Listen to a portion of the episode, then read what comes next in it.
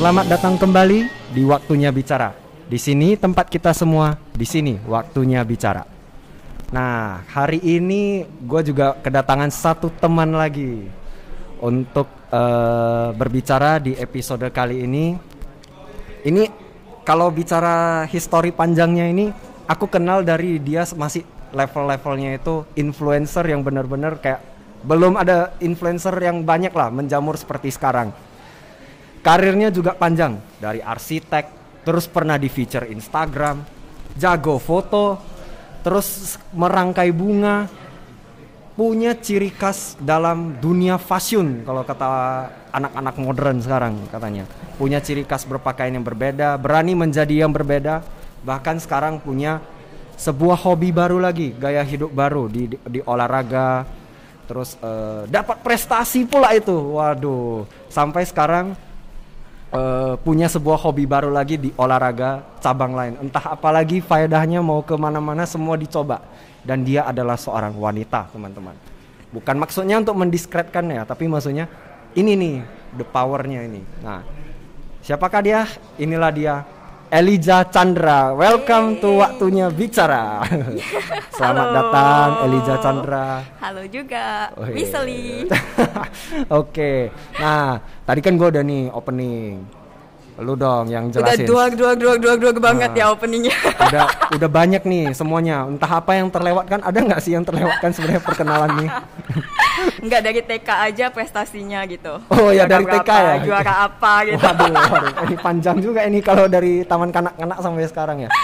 Ya tapi menarik loh. Itu berarti zaman-zaman Instagram itu tahun berapa ya kemarin ya? Em, tahun 2015. 2015. Iya. Berarti lihat ya perjalanan yang tadi aku coba berusaha rangkum. 2015 sampai 2020 sudah ABCD ah, dua dua dua. Lima tahun itu banyak banget eh, tahunnya. Karena juga aku juga 2015 loh mulainya. Iya, Tapi kan mulainya ya. nggak seduar duar duar Eliza Chandra gitu. banyak yang dikerjainnya. Oh kan. kan belum kelihatan aja. itu itu memang harus sengaja dibawa terus, tidak terdeteksi, tidak tercium. Strategi itu. Oke. Eh, Jak, kalau misalnya Mm. lo ditanya sih sama orang, Elijah Chandra itu siapa lu lebih pengen dikenal sebagai apa sih sebenarnya? Sampai hari inilah kita bilang. Em, Eliza Chandra itu siapa ya? Hah, siapa? Ayo, bingung lo kan? Kebanyakan sih lo nyoba sini sini. Eh, Eliza itu eh, hanya seseorang yang passionate dengan apa yang dia lakukan. Oh, demikianlah sesi waktunya bicara keempat hari ini karena sudah men- sampai kesimpulan yang sangat bagus sekali teman-teman. Inilah sesi yang paling baik sekali. Langsung ada kesimpulannya. saya bahkan tidak sempat mencatat teman-teman.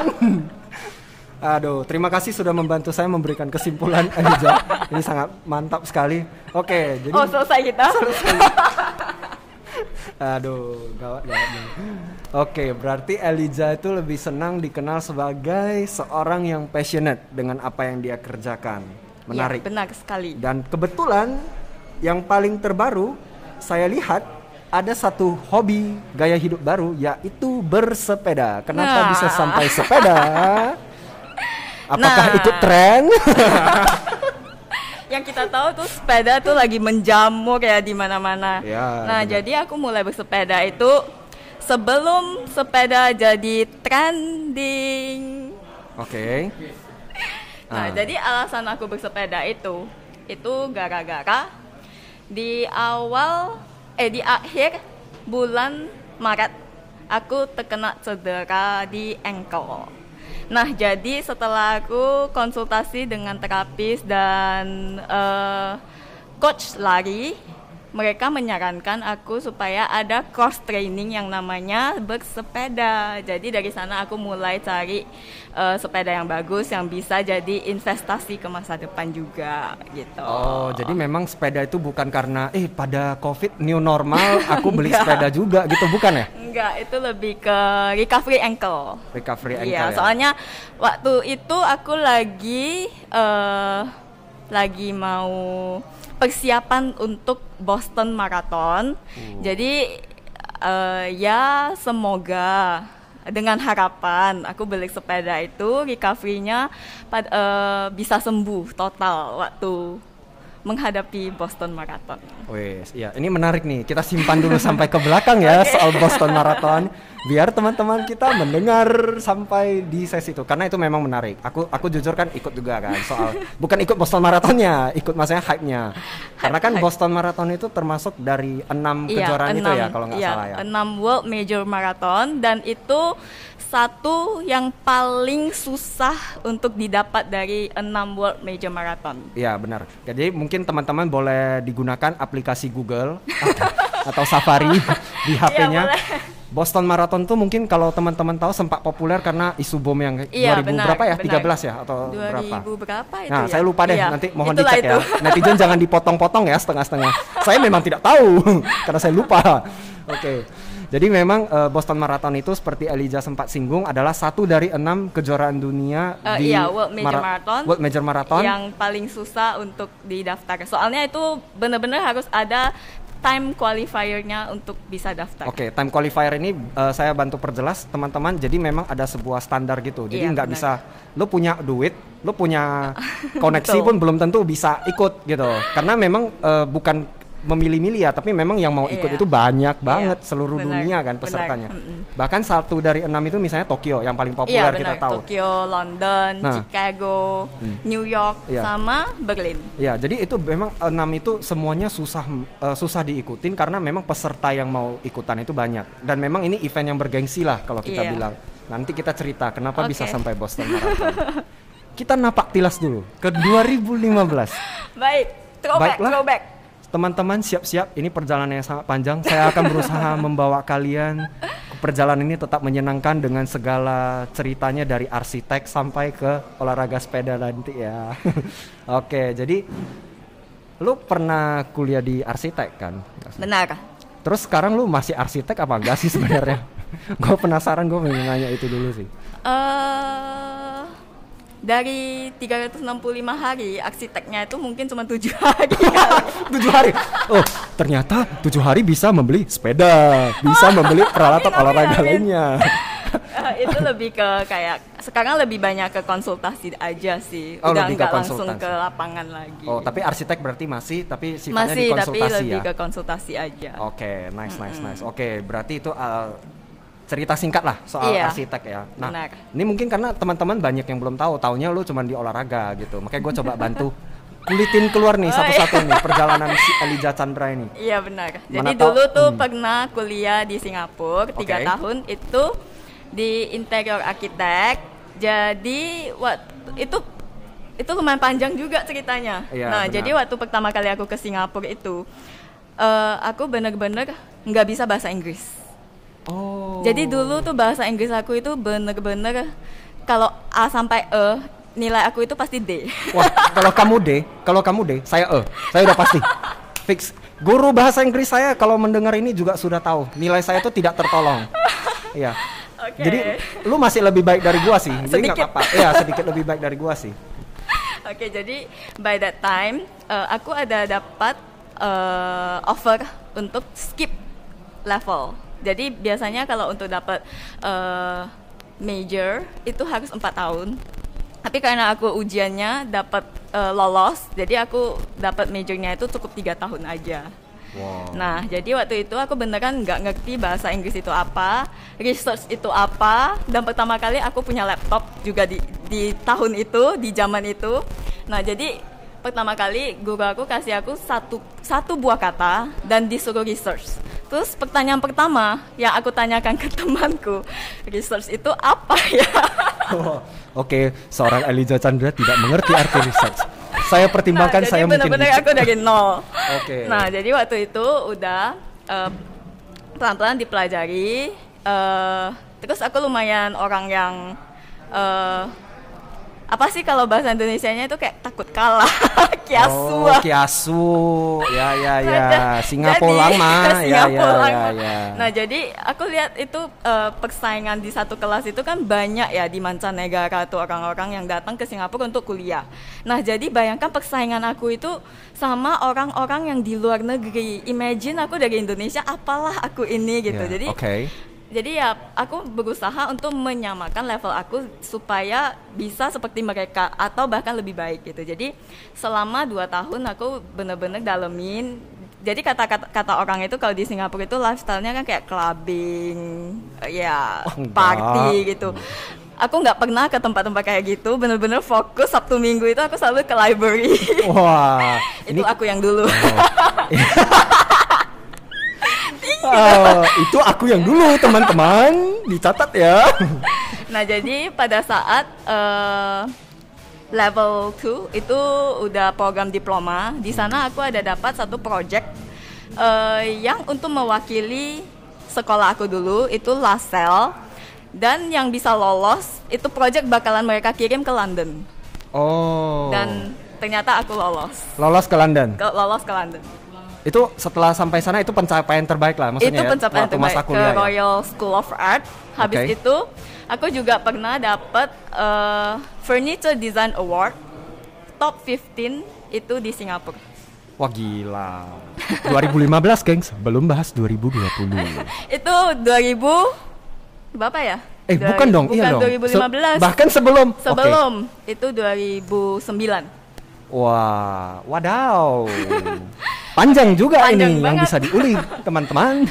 Oke, jadi 2010 baru pulang for good di Medan. Oke, for Ya. good di Medan. Nah, ini menarik nih. Kenapa eh, lu akhirnya for good di Medan?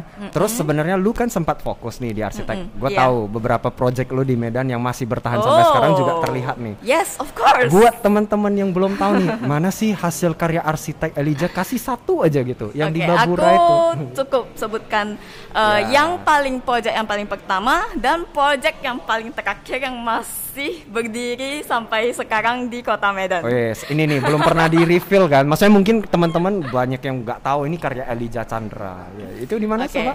Project pertama aku di Medan yang komersial itu Howie yang di Babura. C. Terus yang terakhir itu Ismut Park. Ismut Park. Ya, yang pakai kontainer. Oh, yang konsep kontainer di Iskandar Aku Muda. rasa itu ya. konsep kontainer stacking kontainer pertama yang ada di Medan. Oke. Ya, setelah itu sudah mulai banyak. Iya ya, kalau seingat saya ya, memang eh, konsep kontainer itu kayaknya yang pertama bikin memang kebetulan di Ismut Park Mm-mm, dan benar. itu memang eh, arsiteknya dari Elijah Chandra. ini orangnya.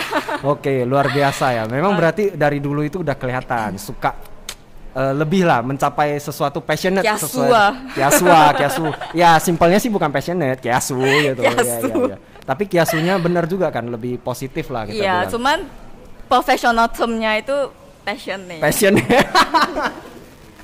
Oke, ya udah kita berangkat deh dari profesi Oke, arsitek. Skip, skip ke Skip sekarang 2015 ke gitu. 2015 soal Instagram suggested user sih. Iya, Gue taunya lu di situ bukan Iya. sa- di arsitek. Oke, gue tahu yang project itulah yang tidak kis- usah kita sebutkan namanya. Oke. Aku taunya Elijah. Itu pun karena setelah ngobrol lama, eh ternyata kita pernah jumpa sebelumnya, cuman by the chance saja gitu. Nah ternyata di 2015 lu eh, akhirnya masuk ke kategori Instagram suggested, Suggested user. user. Nah itu kan Iya. teman-teman nggak ngerti nih. Mungkin Iya. beberapa yang belum ikut Instagram di 2015 cerita sedikit dulu dari Elijah. Apa sih itu Oke. Instagram suggested user dan Jadi- gimana sampai lu dapat? Ya. Se- Instagram suggested user di tahun 2015 di zaman kita yang masih masih kece. Ya, tidak ada ads, tidak ada centang biru, teman-teman, tidak ada marketing, tidak ada bisnis, Iya, semua benar. masih foto dari Iya. creator only gitu. Iya, yang masih zaman fotokopi, flat lay. Waduh, Ya, kangen ya. Kangen lu tuh parah loh itu, Table parah, situation. parah. Table situation, iya iya iya. Iya kan? Nah, Benar, jadi benar. Instagram suggested user itu eh, user di Instagram yang eh, di follow sama Instagram. Wih, di follow langsung akun Instagram Iya, ya kan? akun at Instagramnya. Iya. Jadi Instagram follow kamu. Terus eh, waktu itu aku di follow sama Instagram dan itu benar-benar life changing experience. Jadi selama dua minggu itu handphone aku itu bunyi terus. Itu Wow. itu ada 30.000 ribu followers yang follow aku terus selama dua minggu itu. Jadi itu benar-benar life changing experience. Jadi aku di notice sama Instagram sewaktu waktu foto-foto flatly itu deh. eh, kalau boleh tahu sebelum dapat SU, Mm-mm. followers lu berapa sih? Lu masih ingat gak? eh not even eh lupa loh tiga ribuan kayaknya Tiga ribuan. Oh Iya. tapi tiga ribuan di saat itu udah termasuk inilah. di saat itu udah termasuk di notice loh berarti. Pakai hashtag kan Ah, main-main pakai hashtag. hashtag, Jadi berarti main-main hashtag. lu udah punya komunitas itu sampai akhirnya Instagram notice Iya, lu. notice. Makanya lu di SU. Jadi SU Iya. itu memang usianya dua minggu ya kalau nggak salah iya ya. follow usianya ya? dua minggu Dan itu berlangsung diganti berganti iya terus. berganti terus Dengan iya creator-creator waktu itu lain kan. lebih seru kayak gitu ya Ya, sekarang lebih udah nggak ada Jadi, SU Ya Instagram sudah fokus ke bisnis, bukan ke komunitas, beda. Nah, Ya. jadi buat yang udah jadi suggested user, itu biasanya kalau kalian baru sign up ke Instagram, itu biasanya kan ada Instagram suggest buat kamu yang follow follow akun apa aja. Nah, itu aku salah satunya lah di sana. Waktu itu. Oh berarti kalau kalian 2015 baru sign up Instagram itu kalian nampak ada sudah Eliza Chandra dan itu orang Medan teman-teman. Ya, ini orangnya. ya kalau yang dengar dari Spotify tidak bisa, harus lihat dari YouTube atau IGTV. Iya, benar. Oke, oke kita lanjut deh. Eh, aku masih ingat di 2015 kita masih bicara nih soal komunitas Instagram yang Iya, masih benar. Baru banget lah. Iya. Lu pernah ikut satu event nasional gue ingat. Iya. Komunitas Hands in Frame. Buat teman-teman yang belum tahu, coba search di Instagramnya Hands in Frame Hands itu in seperti Frame. apa. Tapi dulu 2015 sama sekarang mungkin ada perbedaan Udah lah. berbeda, banget. iya. Tapi itu benar-benar dulu hype banget. Iya, hype banget. Pendirinya itu kalau foto nggak tangan. salah, ah, pot- jadi fotonya itu foto gimana? foto tangan, foto tangan yang ada pokoknya ada tangan di setiap fotomu itu kamu harus tag hands in frame nanti di fitur. Iya, jadi kita itu Iya. semua termasuk gua ya di Iya. 2015 sebagai pengguna Instagram yang ikut ini tren ini tertarik. Aku itu kalau foto itu semua harus ada tangan dulu. Tangan supaya tujuannya itu nge-tag si hands in frame supaya bisa di feature. Mm-mm. Dan akhirnya pernah di feature walaupun cuma sekali. Dan itu di zaman tahun 2000 berapa ya? 16. Dan di zaman itu waktu di feature udah rasanya seneng Wah banget seneng kan? banget. Iya gue kan? sampai screenshot. Gue punya filenya. Gue screenshot. Gue merasa proud banget. Gue Iya. foto hands in frame Gua karena itu di KL. proud banget loh. Iya, karena kan cafe Medan ya maaf maaf kata dulu kan desainnya belum terlalu banyak nih yang Iya. heboh. Even aku pernah foto di Hui aja nge-tag juga nggak ini loh, nggak di feature. Nggak di gitu. feature. Tapi pas gue di KL satu cafe yang biasa aja, bahkan angle-nya bukan yang wah banget, nge-tag hands in frame tapi ada lokasi kafenya langsung di feature gitu. Terus di situlah bergejolak saya mikir, apakah saya harus sering jalan-jalan dan nge-tag hands in frame sampai level ini loh experience bangganya itu Udah hands in frame dan ya. di feature itu selevel itu. Kalau gua, nah kalau Elijah sendiri Nah, di jadi- hands in frame kan sampai pernah diundang Iya, kan? Nah, Diundang. Jadi waktu itu eh, kebetulan waktu aku sering ngetek ngetek hands in frame. Jadi hands in frame lagi mau selebrasi eh, followers dia yang baru mencapai 5000. 5.000. 5.000, eh, berarti Oke. 5K ya. Ya, Nah, jadi benar. eh, acaranya itu hands in frame 5K. Nah, jadi mereka tuh eh, ngundang kalau nggak salah ada 20 influencer dari seluruh Indonesia yang mereka pilih berdasarkan foto 20 influencer terbaik. Eh, waktu itu bukan influencer ya bahasanya ya. Belum, masih waktu itu masih fotografer gini lah foto istilahnya. 20 Iya, iya. foto terbaik seluruh Indonesia yang mereka undang untuk ngumpul di Hands in Frame 5K ini Hmm, dan kegiatannya itu di di Jakarta. Jakarta. Nah, jadi itu itu itu Ini. gila sih. Itu aku berangkatnya jam 4 sore ke Jakarta. Habis itu acaranya pagi jam 9. Besoknya, Sam- besoknya. Ya, besoknya pagi jam 9. Habis itu aku it- eh, selesai selesai event itu kalau nggak salah jam 2 siang. Jam 4 aku udah langsung ke airport lagi ke airport untuk ke untuk balik Medan. balik Medan. Oh. Untuk pulang. Berarti lu kurang lebih Jadi- 24 jam Iya. experience di Jakarta lah gitu ya. itu pengalaman paling gila yang Nah. pernah aku lakuin. itu yang menarik sebenarnya biar teman-teman juga bisa paham ngapain sih si Ah. Eliza 24 jam di Jakarta hanya ikut ke komunitas yang merayakan 5K apalagi 5K itu apa sih hebatnya Iya. kalau sekarang kayaknya waktunya bicara kalau punya followers 5K gitu-gitu aja paling makan di Pilastro gitu ya kan nah, Nah, itu jadi kenapa wa- lu bela-belain banget iya. padahal nggak ada duit nggak ada ditanggung Iya, biaya enggak, pesawat enggak. sama sekali nggak Sama sekali enggak, enggak dibayar juga. Nah, jadi waktu itu aku belum jadi suggested user juga. Nah, Oke. jadi waktu itu aku lumayan obsesi Oke. sama eh, foto flat lay atau Instagram kehidupan di dalam Instagram lah. Oke. Nah, jadi aku melihat ini sebagai sebuah peluang. Soalnya kalau kita yang di daerah, kita melihat ada event di ibu kota. Iya enggak sih? ya benar Dan aku salah satu dari 20 yang terpilih. Wow, gitu kan. Sedangkan kita di feature di di profile dia aja kita udah merasa bangga banget. Ini kita diundang loh. Jadi Hmm. ya eh, aku melihat itu ada sebuah peluang dan eh, aku merasa di sana mungkin aku bisa bertemu dengan banyak orang hebat juga. Dan gitu. ternyata- dan ternyata memang benar. Jadinya kenal banyak yang ya, Ini ya. aku kenal banyak teman-teman yang waktu itu mereka juga belum jadi suggested user. Oke. Tapi karena aku udah kenal mereka sebelum mereka jadi suggested.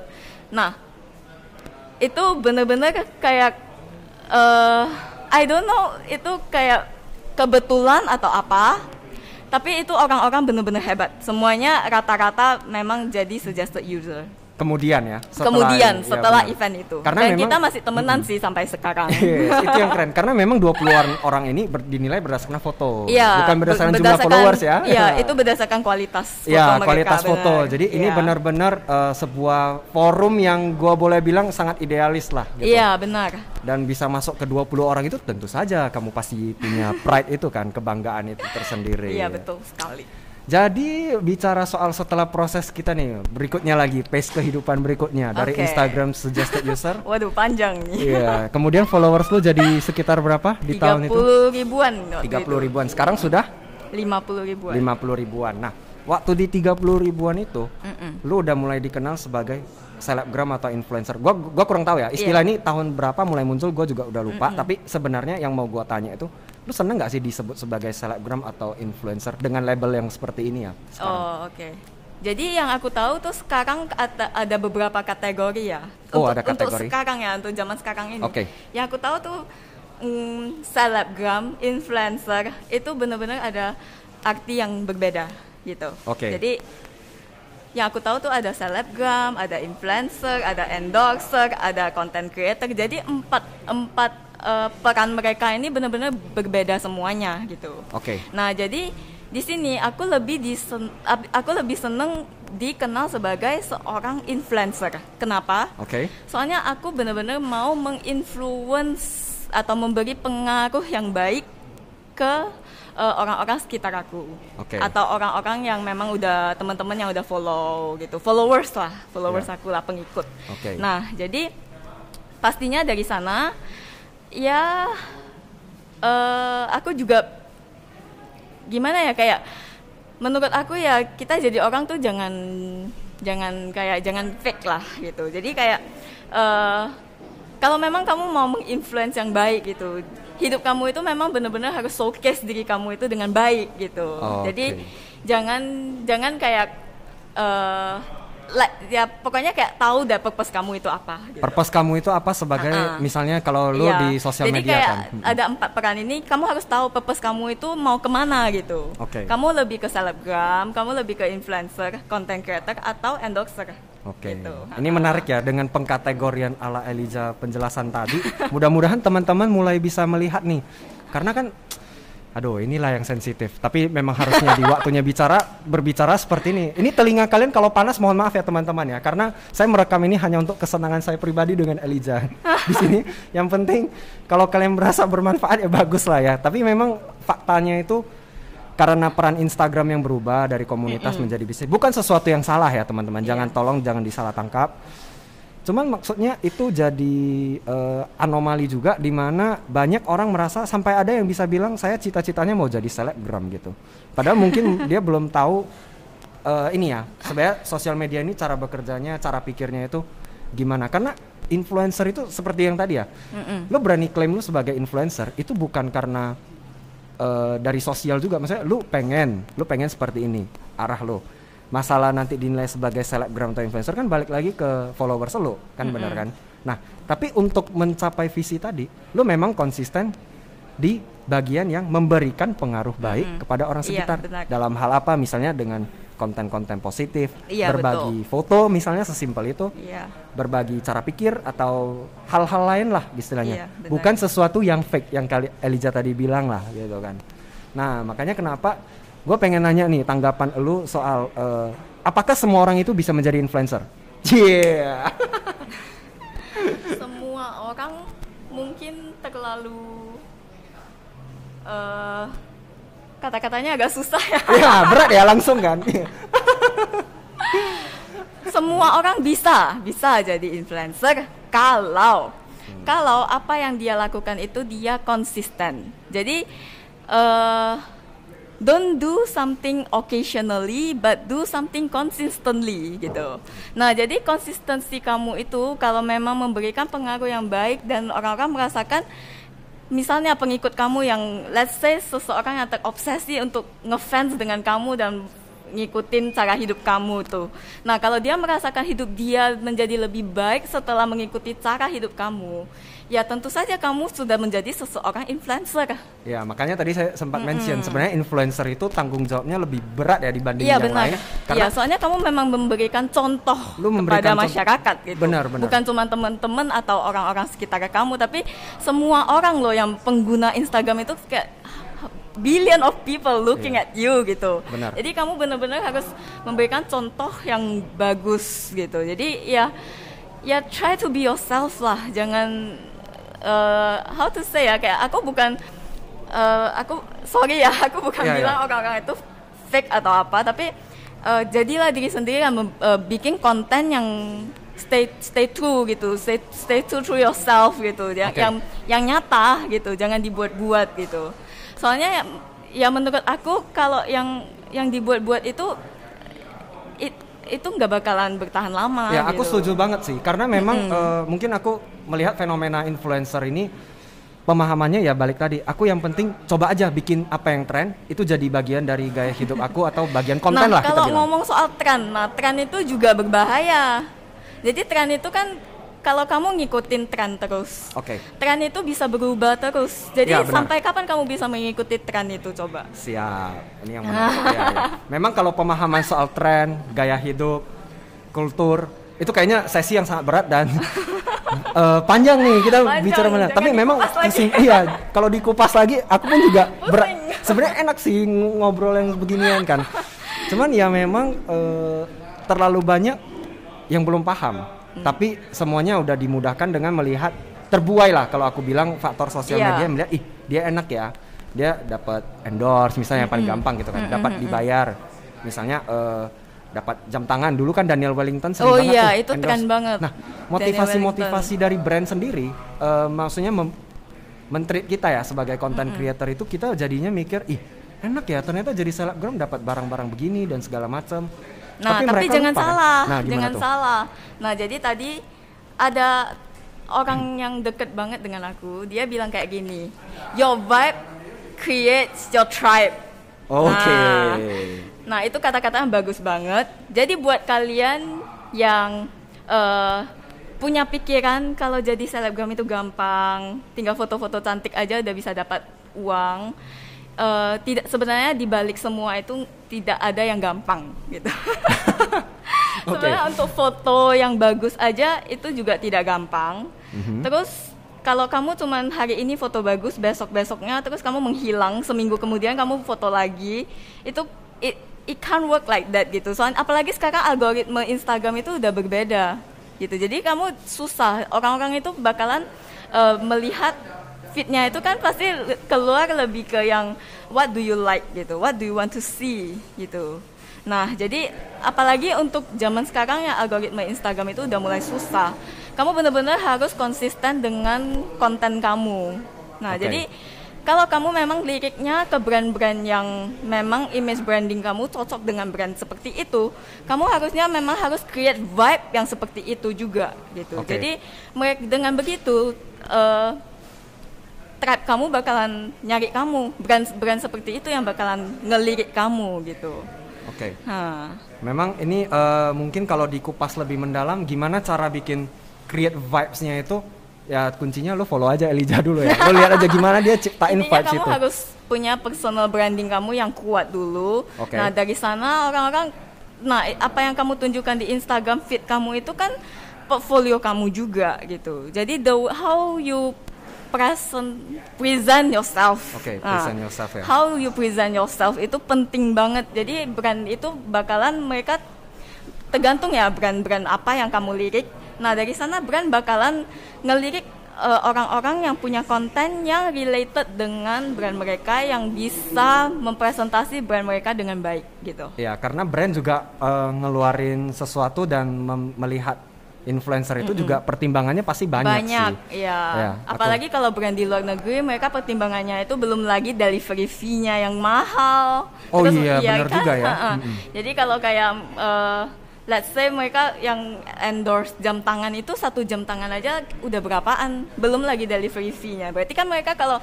bisa milih kamu itu kan berarti kamu itu benar-benar ada kualitas yang mereka cari gitu. Oke. Ha-ha. Mm-mm. Jadi Nih. personal branding itu sangat penting sih menurut saya. Oke, ini bicara soal personal branding, gue mau nyenggol sedikit nih. Oke. Batas-batas yang Elijah tentuin, karena kan Elijah juga nerima endorse kan, sekarang kan. Walau, eh, nah itu, lu gimana sih nentuin batas-batasnya dengan segala idealisme dan cara berpikir kamu ya, ala Elijah ya. Untuk saat ini, kamu nerima endorse itu gimana sih batas-batasnya?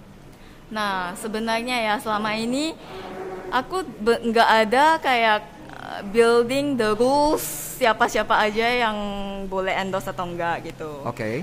Tapi karena yang tadi aku udah bahas, your vibe create your tribes. Nah, Oke. jadi to be honest yang selama ini nyari aku itu ya brand-brand yang memang cocok dengan aku gitu. Berarti kan lu pilih kan? Eh Atau memang kebetulan yang cari? Kebetulan yang cari seperti itu. Oh, peninggi pelangsing nggak pernah nyari Elijah? Iya, soalnya akun itu Nggak aktif. Kita, nanya teh pelangsing ada. Oh itu nggak pernah Nggak cari Elijah ya? Nggak pernah, nggak Susah. ya? Kenapa ya mereka nggak pernah cari Elijah? tapi Padahal followers yang Elijah banyak loh. tapi kalau yang teh seperti teh detox gitu yang lebih ke healthy lifestyle itu ada Oh itu kan beda. Nah, itu beda. Ini ini kita bicara yang lebih bukan ya nggak boleh juga diskretkan ini sih. tapi Ah, ya. maksudnya jangan sebut merek Iya, kita tidak sebut merek, kita tidak melabel ini lebih baik atau lebih buruk, hanya saja oh memang yang tipe peninggi pelangsing ini nggak Nggak pernah. pernah. Pemutih nggak atau pernah juga pekin atau apa sih ya banyak ya sekarang Instagram yang sering komen-komen itu loh yang muncul-muncul. ya pokoknya yang Oh. spam spam gitu deh Oke oke, berarti itu memang nggak pernah kontak pernah, Eliza. nggak pernah. Kalau setelah ini kontak nggak sih tahu ya kita sharing-sharing cerita di WA. Aku penasaran juga ini. Menarik ya mereka nggak pernah nyari ya. Padahal kan harusnya Hmm, kalau kalau pola pikir aku mungkin mereka nyarinya eh, followers banyak. oh iya Iya kan benar. Maksudnya cenglinya kan se- sesimpel itu mikirnya. Tapi ternyata nggak pernah dikontak ya Nggak menarik pernah. juga ya kan gitu. Iya. Oke. Eh, bicara soal batas-batas tadi, nilai-nilai personal branding yang Elijah berusaha bikin di Instagram, emang cukup biaya kehidupan duniawi kita semua nih dari peralatan lari, olahraga, sepatu deh kita bilang jam tangan, terus sekarang sepeda lagi. Kita nggak usah sebut lah nominal ya kan? Yang penting sepedanya termasuk yang terbaik di kelasnya. Karena kan urusan healthy kita nggak perlu hemat-hemat soal itu dong wajar ya kan gue juga kalau masalah ankle gue juga nggak beli segitu juga sih tapi karena bercanda bercanda. Jadi sebenarnya eh, yang mau aku singgung itu sebenarnya kan lu dengan endorse endorse gitu nggak mungkin lah lu cuma bisa eh, dapat hal-hal seperti itu. Nah sementara kan Hmm. di ini nggak semua nggak semua sekali lagi. Netizen itu punya pemahaman yang tadi sempat gua singgung di awal. Aku mau deh jadi selebgram enak tinggal terima barang endorse nerima endorse fee yang aku Dapat tentuin barang, dapat barang lagi. dibayar kerjanya cuma mau posting bisa dijual lagi Wah, wah. Elijah kan? Chandra mulai memanaskan telinga kita, teman-teman. Istilah pre-love. Iya. Oke, itu Ya nanti kita sih? singgung. Benar, benar, benar. Kita singgung nanti ya soal nggak pre-love salah itu. sih sebenarnya nggak salah sih. Iya benar, kita nggak bicara yang benar salah ya Iya, teman-teman. ada Cuman salah. ada yang terjadi seperti itu dan menurut aku bukan soal benar tapi salah, itu yang tapi itu yang create mindset orang-orang orang-orang orang-orang biasanya gitu Iya makanya jadi Iya. orang itu sampai ada yang kayak tadi balik lagi karena mikir gampang terlihat gampang terlihat ya gampang dia. enak ya dia resign pergilah dia ke kafe-kafe dengan foto baju mulai dia bikin caption dan segala macam nah apakah memang profesi endorse ini sangat menjanjikan sampai orang seperti itu Nah, hmm, menurut saya Hmm. menjanjikan atau tidak itu tergantung dari diri kita sendiri juga ya. Jadi kalau memang kamu bisa menjaga kon- konsistensi kamu, itu nggak ada salahnya kalau memang kamu mau mendalami eh, karir seperti ini. oke Nah, jadi kalau dari personal personally, aku punya pemikiran seperti ini. Nah, kita lihat kembali ke orang-orang yang menjadi reference person di hidup aku itu udah pastinya orang tua aku sendiri. Dan mereka menurut aku mereka sampai hari ini itu udah termasuk orang yang sukses di hidup aku. Di sana apa yang mereka lakukan di balik eh, di balik Kesuksesan. kesuksesan mereka ini bukanlah seperti apa yang kita lakukan seperti sekarang ini. Jadi mereka dulu eh, bisnis yang mereka dulu lakuin itu nggak ada hubungannya dengan sosial media yang kita lakukan seperti sekarang endorsement or anything lah uang seperti itulah nah jadi menurut aku uang yang kita dapatkan dari sana penghasilan yang kita dapatkan dari sana itu menurut aku itu it's not a really real money Why? It's not a Okay. real business Okay, gitu. okay, okay. For me ya, soalnya kita nggak bisa melihat uh, fisiknya gitu. Jadi kita juga nggak bisa prediksi. Ba uh, bisnis seperti ini itu bakalan uh, sampai ke mana? Oh, kita gitu. bicara soal jangka panjangnya. Nah, kita benar, benar, bicara benar. soal Iya, jangka iya. panjangnya. Nah, jadi kalau memang kamu bisa pertahankan fame kamu, konsistensi kamu sebagai seorang public figure yang orang-orang bisa selalu melihat kamu, itu it's okay to do it gitu.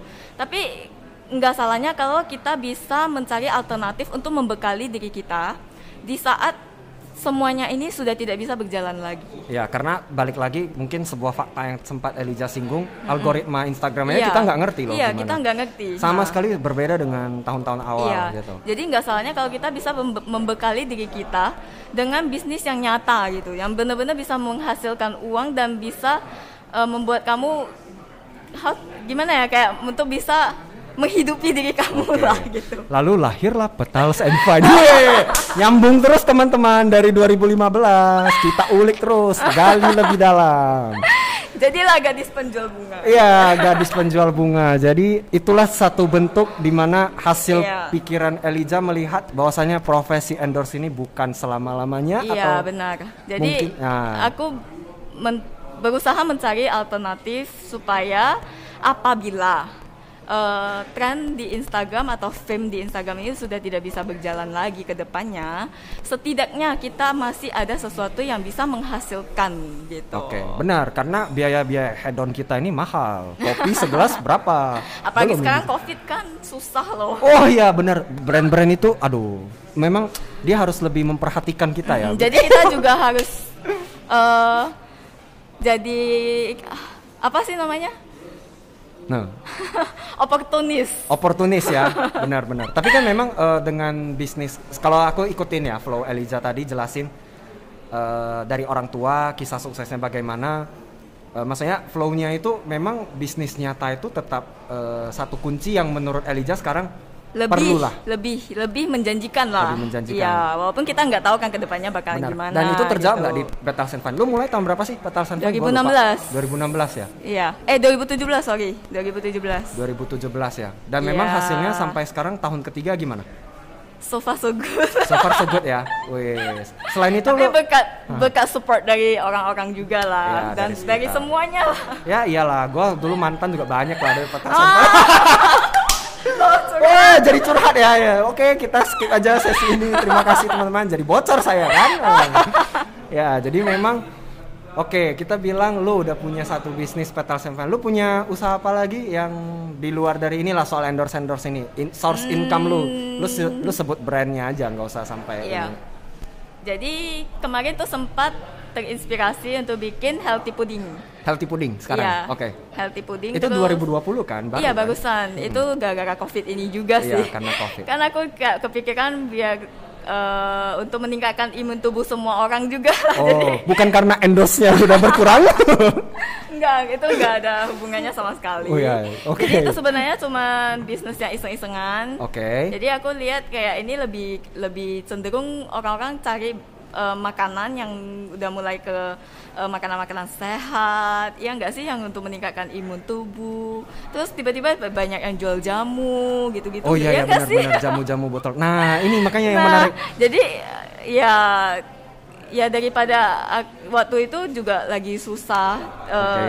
as in kayak orang-orang weddingnya juga udah pada cancel yang yang yang flower flower, flower related lah let's say orang-orang juga biasanya pesen bunga tuh kan untuk wedding, untuk graduation, acara-acara acara-acara yang Formal ramai ya? yang besar Hmm, gitu lah. ramah. Hmm. Kan seperti itu semuanya udah benar-benar ditiadakan by that time ya. Oke. Nah, jadi Petals and Fun lumayan lumayan lumayan kesusahan lah, lumayan sepi.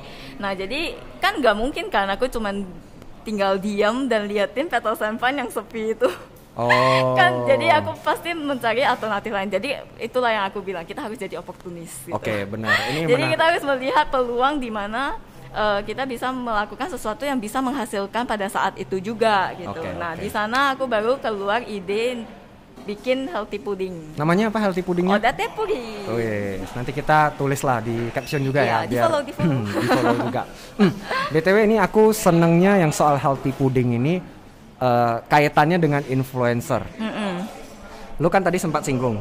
Kalau mau beri pengaruh baik ke orang sekitar itu, itulah yang maksudnya jadi tanggung jawab influencer. Yang membedakan lu dengan selebgram, Iya. endorser atau content creator. Mm-mm. Lu ngeluarin healthy pudding, berarti ada kaitannya dengan healthy lifestyle lu nggak Benar. sih? Gue mau konfirmasi Iya. itu aja. Ada Jadi ya? set- a- setiap uh, varian rasa itu set- itu puding aku itu uh, so far ada 10 varian rasa. Nah, 10 varian rasa itu masing-masing punya benefit untuk tubuh tubuh kita. Oke. Tapi Nah. ya itu tadi eh, garis benang merahnya kalau gua bilang, Mm-mm. lu karena udah aware sendiri dengan healthy issue, maksudnya kena- bukan Iya. healthy issue kenapa, tapi olahraga, lifestyle, Iya. lu jadinya bikin sesuatu produk baru Iya, yang dijual yang- aja, lu mikir untuk Iya. healthy issue kan? Iya, benar. Nah itu contoh influencer Iya. menurut aku. Maksudnya sih seperti itu. Oke, Iya. jadi mungkin teman-teman eh, mudah-mudahan dengan eh, garis ini ya dari awal tadi yang panjang sampai ke sini dapat nih benang merahnya. Oh Iya. ternyata yang dikerjakan Lanjut terus Elijah, ya. Yang dikerjakan Elijah ini semuanya ada nih hubungannya, Ada hubungannya. dan konsisten Iya, teman-teman. itu kuncinya. Kuncinya. Oke, kita bahas ke olahraga deh. Seperti Oke. yang paling tren sekarang yang paling sering terlihat di Instagram Elijah Chandra. Nah, lu sempat di olahraga lari. Ini gua tahu ya, gua bukan mau lebih merasa senior atau apalah gitu. Maksudnya kan gua duluan lari dari lu. Mm-mm. Tapi gua kan nggak konsisten. Memang lari ya cuman pengen lari baru lari baru sempat gitu. Kalau lu, gua nggak tahu ya dulu lu pertama lari itu gimana. Tapi akhirnya lu bisa dapat podium, bisa sampai ke Boston Marathon yang tadi kita bilang tadi deh. Itu kok bisa gitu sih? Kayak semua orang itu membicarakan lu loh. Ih gila si Elijah itu kok buat apa-apa semua berhasil ya jadi loh. Kayak ibaratnya orang dulu mungkin bilang pegang gelas saya udah jadi duit gitu lah istilahnya. Oh, Waduh, amin amin amin. Tapi masalahnya nih sekarang iya. maraton aja bisa seperti itu loh. Maksudnya di bidang olahraga kan. Kok lo bisa sejauh itu sih sebenarnya? Nah, jadi itu berawal dari tahun 2017. Oke. Nah, jadi eh, jadi dulunya tuh ya aku sebelum eh, masuk ke dunia lari, aku sempat nge-gym dari tahun 2010. Oh, lu sempat nge-gym. Nge-gym. Itu pas aku baru balik for good dari Singapura tadi 2000, 2010. Itu aku nge-gym karena aku gemuk banget. Oh. Tujuannya oke, aku oke. mau kurus. Tujuannya mau Just kurus. as simple as that Oke. by that time. Mhm.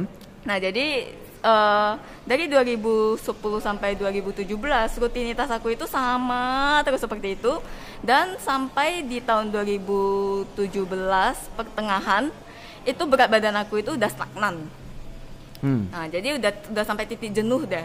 Nah, jadi aku udah nggak bisa lebih kurus dari daripada saat itu berat badannya. Oke. Nah, jadi aku pingin mencari sesuatu yang bisa merubah aktivitas aku yang udah jenuh dan udah udah stagnan itu deh. Eh, kayak performance performa aku yang udah stagnan pada saat itu. Oke. Nah, jadi aku coba untuk mendalami ke olahraga lari. Oke. Itu kenapa aku memilih lari? Soalnya dulu waktu eh, SD kelas 5 itu pertama kali aku ingat itu pertama kali eh, pelajaran penjas pendidikan jasmani. Wah, sekarang masih ada nggak ya sekolah-sekolah penjas? Atau udah dijadikan istilah bahasa Inggris? Jadi pen- penjas di di di kelas penjas itu kita selalu ada satu satu kelas itu eh, yang langsung terjun ke lapangan gitu. Jadi kita disuruh lari, lomba lari. Nah di setiap lomba lari di pelajaran penjas, aku selalu dapat juara satu. Wah gila loh. itu waktu Serius kelas loh? 5 SD Ini- ya ini serius, serius. Jadi se- saking gampangnya aku dapat juara di kelas, itu aku selalu di di disaing-saingkan itu sama cowok, nggak bisa lagi sama cewek. waktu itu dan waktu lagi sama cowok aku masih aja tetap lebih lebih kencang dari cowok. Oke, untung saya tidak satu kelas dengan Elijah Chandra waktu, waktu sekolah. itu ya. Oh jadi lu sampai guru penjas lu itu Udah suruh nggak- lari aja lah iya, sama cowok gitu. sama cowok, Dan lu iya. masih bisa menang dari Iya. cowok-cowok ini. Oh gila lu. Oh jadi ini semua ternyata berentetan ya. Ini kalau kita bicara Nah. sampai ke bayi, lu makan apa sih sebenarnya? gua jadi pengen tahu. Gua mungkin setelah ini teman-teman kita ngundang orang tua Elijah untuk berbagi bagaimana asupan gizi dan segala Kata macam. temen kayaknya waktu mamaku hamilin aku dia dia sering minum ginseng. Oke teman-teman, baiklah teman-teman, sesi ini ternyata sangat bervalue, bervalue ya, punya nilai lebih minum tapi enggak, ginseng. tapi menurut aku aku tuh ada genetiknya lah. Dari II aku itu dulu juga dia pelari maraton. Papa aku juga dia kayak udah born running very fast gitu. Oh, papa juga memang maraton ya? Iya. Enggak, dia enggak lari maraton, tapi dia larinya dia udah kayak lari biasa aja bisa kenceng banget. Oke, eh jadi gue menarik nih karena Jadi lu menurut singgung aku aku Ha. merasa ini genetik gitu. genetik ya. Oke, jadi memang lu setelah SM, SMP, SD, SD, SD terus ke SMP. SMP itu karena aku kan melihat kayak wah aku ternyata juara-juara terus ya waktu lari. Nah jadi Oke. kan pasti kan excited kan. Kok aku bisa kayak berbakat banget di lari gitu. Jadi waktu SMP waktu disuruh pilih ekstrakurikuler aku selalu milihnya atletik. Aku aku paling jago lari deh. Oh. nah jadi aku selalu ikut atletik, ada latihan lari, sprint. Jadi dulu aku di sekolah itu aku terkenal pelari sprint. Nah, jadi pertama kali aku ikut kejuaraan itu antar kelas, itu waktu SMP 3. Itu bayangkan itu aku di eh, di di lawan apa sih namanya? Lawan lawan, Lawan ya, benar. Nah, lawan aku itu orang-orang yang udah di atas kelas aku itu. Jadi Oh, senior kelas lah, senior lah, gitu ha, bilang. ada senior Hmm. lah. Jadi bayangkan pertama kali ikut eh, pekan prestasi itu di SMP 3 lawan aku itu semuanya udah senior kayak SMA 1, SMA 2, SMA 3. Nah, pada saat itu aku masih bisa dapat juara tiga gitu. Oke, ini maaf ya gue potong ya. Satu- Pekan satu prestasi sekolah, itu ya, pekan eh, prestasi. kegiatan di Sutomo Di ya, Sutomo, tahunan. ha, ha, Dia itu tahunan. kayak kegiatan olahraga dan biasa Iya. di bertandingnya itu antar tingkat Antar juga bisa tingkat, jumpa. Iya, Oke, ha-ha. oke. Terus terus. Iya. Nah, jadi di sana aku dapat pertama kali dapat juara tiga. Terus eh, tahun-tahun berikutnya aku saking excited, aku selalu nunggu-nunggu eh, lomba lari pekan prestasi. Oh gila nih orangnya. Nah jadi tiap tahun tuh aku dapat medali deh Juara satu, juara dua, juara tiga Dari cabang 200 meter, 400 meter, estafet selalu menang gitu Menang dengan effortless ya. Menang dengan effortless Memang pure genetik. Apakah ini rahasia si ginseng? Kita cari tahu nanti ya di sesi-sesi berikutnya. Terus setelah SMP, eh SMA, tamat SMA itu sem- eh, sempat berhenti lari selama 10 tahun. Oh lu sempat Oh iya ya, Iya, sampai ke iya sampai iya iya. iya. Kan kuliahnya di luar negeri. Nah, jadi Oh. karena kuliah arsitek ya yang arsitek tahu lah ya itu kuliahnya itu arsitek gila deh kayak nggak nggak ada tidurnya gitu terus ya udah habis itu berhenti 10 tahun nggak olahraga sama sekali nggak gym sama sekali nggak lari sama sekali. Terus kembali lagi di tahun 2017 nah itu alasannya kenapa aku pilih cabang olahraga lari. Oke, Nah, ternyata jadi- semuanya ada dan- alasan, bukan cuma tren loh setelah teman-teman. saya comeback setelah 10 tahun nah 2017 itu eh baru baru lari dua minggu kalau nggak salah ya. Aku ikut lomba lari Pokari 5 Oh, Pokari di Medan. Iya, iya, iya, benar. itu mereka biasanya bikinnya itu bulanan Oke. nah jadi pas waktu aku ikut itu eh mungkin karena Tuhan tahu ini ini ini cewek nggak boleh terlalu excited nggak boleh nggak boleh terlalu Oke. gampang ujiannya gitu Oke. jadi waktu itu ada atlet nasional yang ikut juga Eh, ini Nah. maksudnya gimana nih? Oke, kalau atlet nasional terus terus. Lu maksudnya lu juara di situ? Aku juara tapi juara dua dia juara satu Maksudnya lu juara di maraton Di- setelah 10 tahun itu? Iya. Oke, teman-teman, sepertinya ada yang jadi salah kalau dengan bayangkan ya saya. kalau nggak ada atlet nasional aku udah juara satu tuh Gila lu setelah 10 tahun setelah vakum. 10 tahun vakum balik lagi aku bisa menang juara dua effortless 5k Five, ya, oke Nah. sih 5K juga, Nah, tapi 5K. lu juara Nah, dua juga. Setelah ini. itu kan teman-teman waktu itu kan di komunitas lagi ya. Teman-teman tuh oke. lihat lihat performa aku itu kayak wah wah wah Eliza tuh kayaknya ada potensi deh. Kayaknya dia mesti ikut itu deh. Eh, waktu itu udah deket banget sama event Samosir Ultra. Oh, Samosir Ultra, iya nah iya. jadi langsung dan naik kelas. Dari 5K aku langsung ikut 25K Ini orang memang pantang dikasih tahu ya kalau udah punya bakat semua dihajar dia semua nih. Waduh. ya udah nggak ada latihan nggak ada apa Lu nggak latihan? Enggak. Orang itu kalau H Nggak 25 ngerti. itu kan HM kan kategorinya udah iya, ultra, udah termasuk ultra HM gitu. Ah, u- HM itu kan 21 kan. HM 21. Kalau 25 25 ultra. Oh, ultra Udah namanya. ultra. Oh, ultra. Ya Oke. udah iseng-iseng kata temen nggak usah takut daftar aja kalau nggak menang ya kita ke sana jalan-jalan. Oke, daftar. Hasilnya juara dua. kan gila kan teman-teman kan. Nih orang gua kayak gundang dan manusia itu, apa dan gundang- itu dan itu event yang lumayan terkenal banget di internasional. Ya iyalah Orang-orang- Samosir ya. loh. Mungkin teman-teman nggak tahu, mungkin namanya karena Samosir dari luar kan. negeri itu hanya untuk ikut event itu. Iya, Samosir itu buat teman-teman nanti Google ya, digunakan fiturnya di HP, itu setiap HP Iya. pasti punya. Itu Samosir Ultra itu termasuk event yang sangat bergengsi. Iya bergengsi. Dan- Karena itu pemandangannya luar biasa juga sih. Iya, dan Kok banyak pelari banyak pelari dari Serius itu bagus banget. Oke, dan Iya, banyak pelari dari mancanegara ya. Dari mancanegara khusus datang ke eh, Sumatera Utara hanya untuk ikut event itu. Dan Elijah menang juara? juara dua. Wah gila loh, menang juara dua. Lo lo punya ini yang terakhir atau lo punya prestasi apa lagi sih sebenarnya? Gua setelah lari. itu eh setelah itu aku ikut full marathon di di Oh, naik kelas lagi? Naik kelas.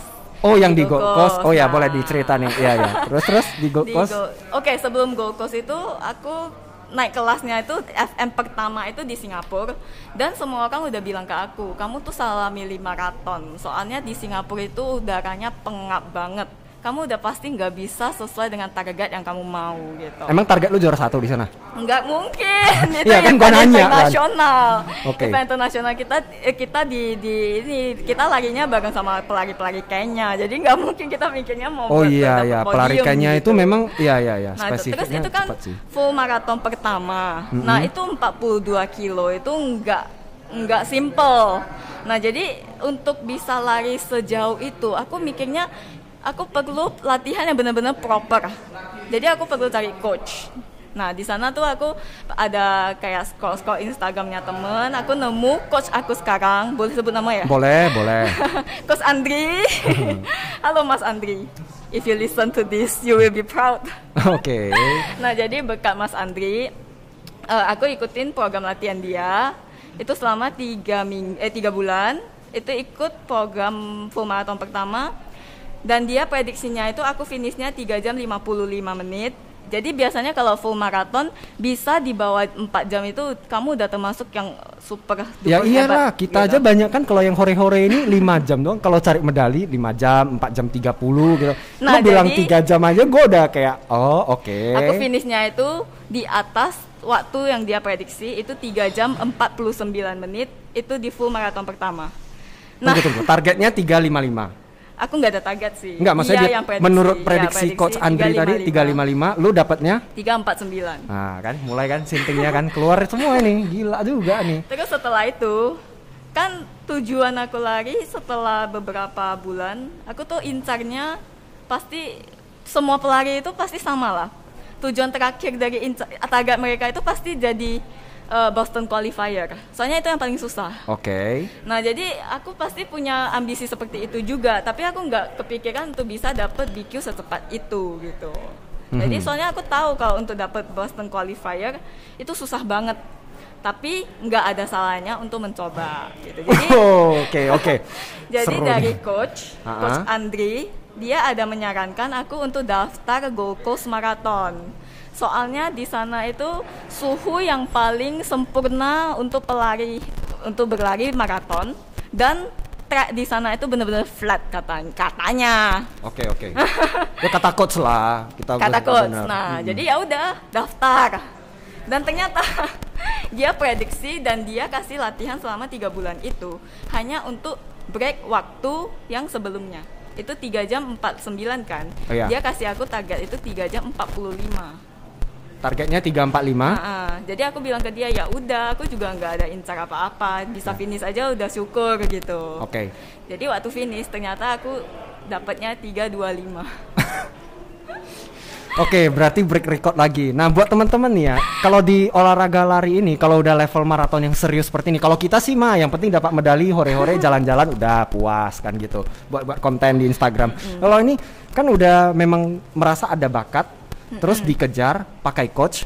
Dan memang eh, selisih waktu itu sangat penting. Iya, Walaupun betul. cuma satu menit, satu menit, dan ini bahkan Tapi itu yang paling ajaib tuh yang terakhir, itu yang di Pineng loh. yang di Pineng. Kenapa tuh yang di Bayangkan Pineng? itu di itu event internasional yang kita lawannya itu orang-orang Kenya dan aku dapat juara tiga. Lu dapat juara tiga.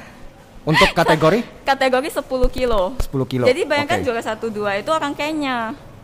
Juara tiga itu dari Indonesia. Nah kan? Ini prestasinya empat dan seterusnya itu orang Malaysia guys. Oke. Oke, Elijah Chandra, eh, mungkin dengan sesi ini yang super padat ini, kalau ada publisher dari pihak pusat mau Silakan, bikin buku, silakan, kayaknya boleh di kontak nih orangnya nih. Eliza Chandra. Karena dari baru lima tahun aja, ini perjalanan karirnya hop, hop, hop, hop, semua kayak dapat semua nih Elijah. Wanita yang sempurna lah kalau kita bilang ya, Aduh, boleh terima dikat, dilabelkan ya. Wih. Kamu mau makan apa selain? oh bisa bisa. Nanti kita habis ini sesi kita pesan yang banyak banyak aja nih. Oh jadi ceritanya memang semuanya runut ya ternyata ya dari awal sampai akhir ada nih Tapi itu benar-benar unexpected lah. Yang unexpected. Eh, terakhir. Oke btw karena ini udah panjang nih kan. Banyak Eh, banget ya. Banyak yang dikupas kan. Sebenarnya dari rentetan karir lu, pengalaman yang pernah Hmm. lu coba dengan segala kegilaan yang tadi lu ceritain semua ke kita, mana nih yang paling bikin lu puas dan merasa ini Elijah ini hidup gua banget. Waduh. Apa ya? Yang mana ya? Nah, Berhubung ini semuanya kan menyambung sambung menyambung ya. benar. Jadi inilah semuanya yang dirangkum dan yang inilah ya hidup aku Oke, gitu. lu puas gak sih? Puas banget dong. Wes, keren. Ini yang gua seneng dari narasumber kalau dia merasa hidupnya itu kayak, uh, dia mencapai Pokoknya sesuatu. bikin gitu. sesuatu itu benar-benar harus passionate deh. Iya, seperti Harus yang sepenuh hati. sepenuh hati, passionate, apa yang dikerjakan di setiap konsisten, bidang konsisten. iya. Dan sekarang memang selain di lari, ini karena sayangnya Boston Marathon ini dibatalkan karena ya COVID kan. Kalau nggak sebenarnya bulan 4 ini jadi berita juga lu. Aduh. Makanya gue bilang sama gue kemarin bilang sama Elijah, gila lu kalau sampai Boston Marathon lu cetak rekor lagi, lu udah bukan di highlight media lokal lagi, lu udah media aduh. nasional pasti Next perhatiin lu kan gitu. Dan memang lu bisa jadi influencer yang menurut gua tebak-tebakan, prediksi juga. nggak mau kalah sama coach yang bisa prediksi. kalau aku prediksinya melihat kayaknya Instagram Elijah ini bisa makin berbeda lagi nih selain di konten olahraga terus influence-nya lah pengaruhnya bagus lah menurut aku. Oke, ini mungkin kita lebih singgung ke personal. Oke, Yeah. waduh, Mengupas mengupas lebih dalam dan pertanyaan sejuta umat Hmm, kepada Eliza. Apakah itu? Karena tadi gue sempat singgung Kok kalau teman ya tanganku ya? perlu dihangatkan. Aduh, mulai bandel nih, nggak boleh, nggak boleh nih. Ini sesi yang sangat serius. Yes, gak, gak. Jadi kan Elijah boleh dibilang, makanya tadi aku sempat labeling wanita yang sempurna. Hmm. Pasti nih. Sebenarnya sekarang single atau nggak single? Boleh di reveal nggak nih? Itu dulu deh pemanasannya ya kan. Karena aku jujur nggak tahu nih. Oke, aku pengen tahu. Sedih loh kelamaan sendiri. Oh, sudah dapat, sudah paham ya. Kalau IQ anda cukup Pantas tangannya dingin. Wah. Kehangatan. Waduh, aduh saya salah tingkah juga ini. Maaf, mampus saya, mampus. Ini sesinya masih banyak pertanyaan ini boleh off di sini aja nggak ya? Gak usah direkam lagi deh ini. Cut aja deh, kayaknya udah cukup deh sesi yang kali ini. Waduh, waduh, kacau nih pikiran saya nih. Ini beberapa pertanyaan lagi kayaknya udah gak fokus ini. Salah juga ini. Ya kebetulan memang sendiri itu eh, ini ya. Ah, udahlah jangan dibahas lah nanti jadi salah kan bener nih. jadi jadi apa ke mana-mana. Oke lah jadi gini.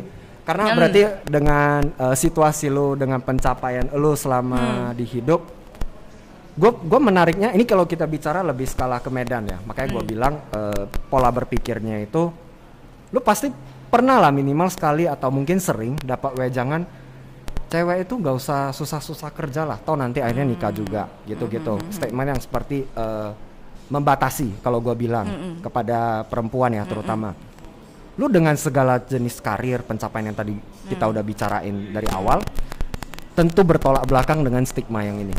Nah, lu gimana nanggepin eh, sebagai seorang Elijah tentang isu ini? Oke. Di sini kita ngomongin soal wanita ya. Yap. Nah, jadi wanita tuh kita udah hidup di tahun 2020 yang bukan di zaman Siti Nurbaya. Aku udah lama banget gak denger nama ini loh. Iya iya iya. Oke oke. Nah, jadi untuk wanita, tapi lebih tepatnya ini untuk siapa aja sih? Ke semua orang juga seperti itu. Oke. Menurut aku tuh kita tuh harus pintar membekali diri kita. Oke. Nah, jadi eh, kalau kamu bisa mendapatkan lebih dari apa yang kamu bekali, menurut aku itu bonus. Nah, jadi prestasi yang aku dapatkan itu itu nggak pernah aku pikirkan, nggak pernah ada targetnya. Tapi menurut aku tuh ya eh, stigma yang seperti itu sebenarnya nggak ada salahnya juga. Cuman ini lebih eh, pesan ke general ke semua orang. Oke, secara umum Ya, lah. secara umum lah.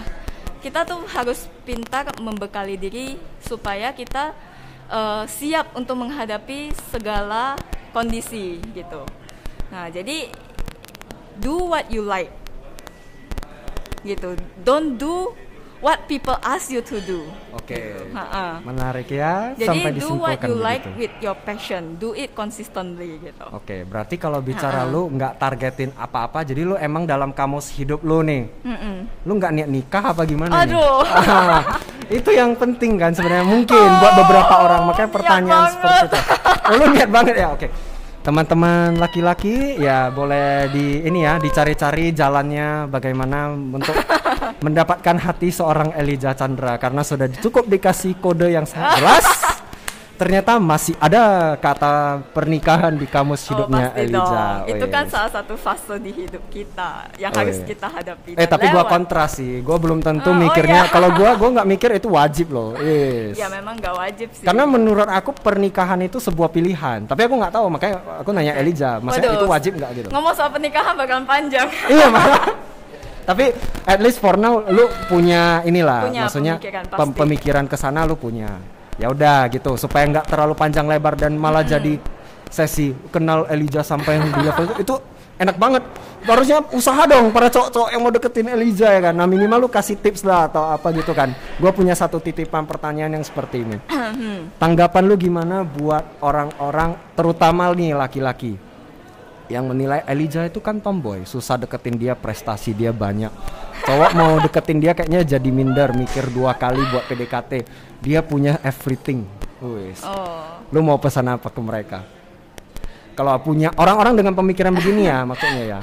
Yang mohon maaf kalau pemikirannya itu saya kalau boleh lebih keras sedikit itu kok lu mikirnya sependek itu ya? Eh, pesan ya. Pesannya. tanggapan lah tanggapan maksudnya ya. lu lu ngelihat Oh. dapat penilaian gitu lu emang lu merasa nyaman gitu kan ah, atau gimana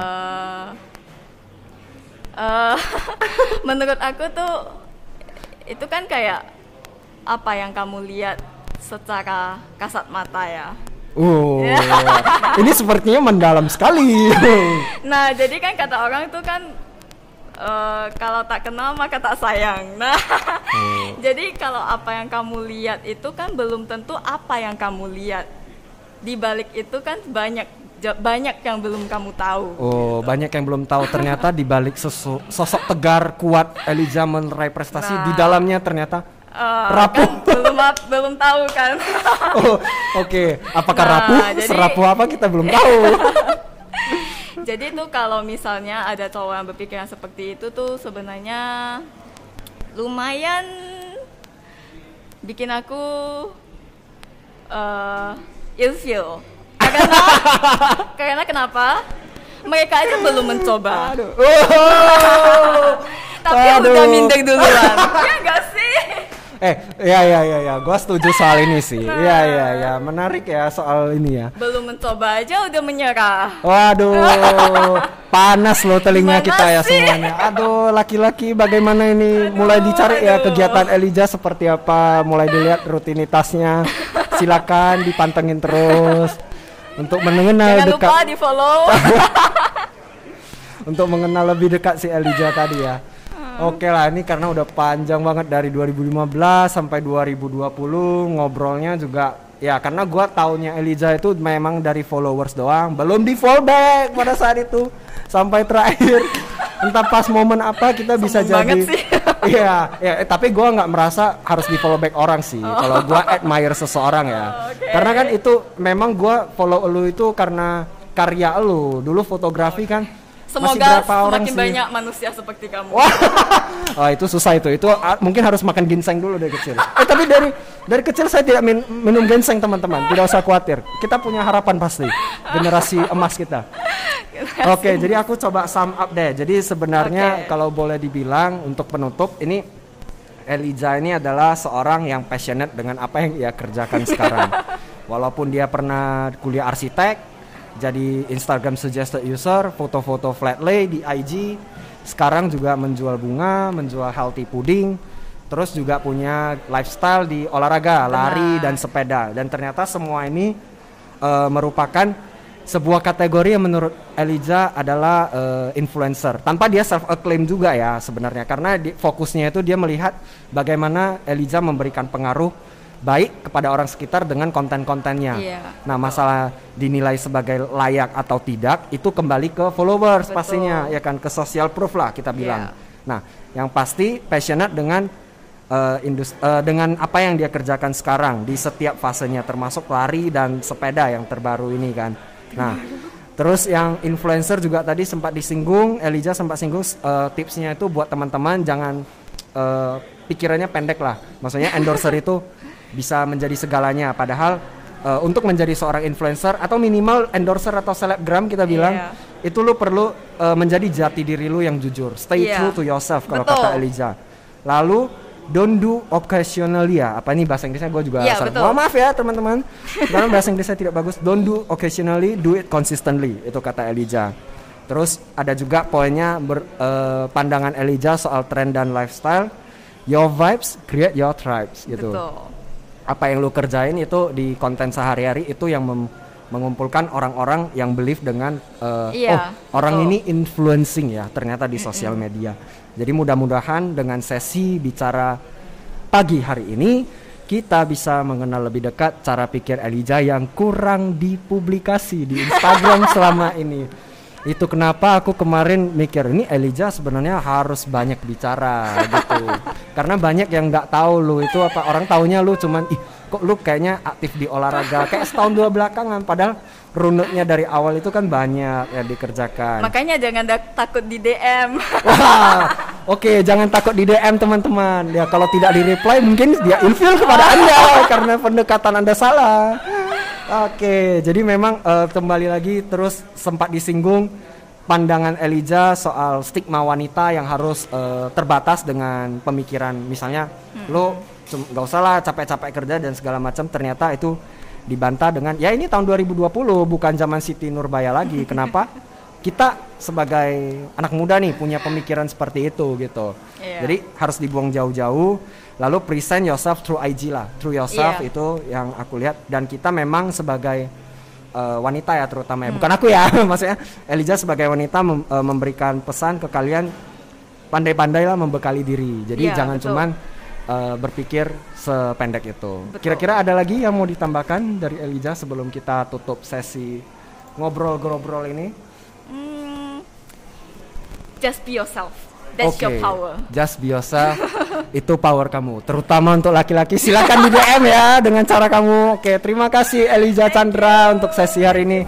Seneng banget gua bisa ngobrol ngulik panjang kayak history lu lah dari Iya, awal sampai Udah akhir. boleh bikin biografi. Yes. Oke, thank you Elijah Chandra sekali lagi. Selamat pagi.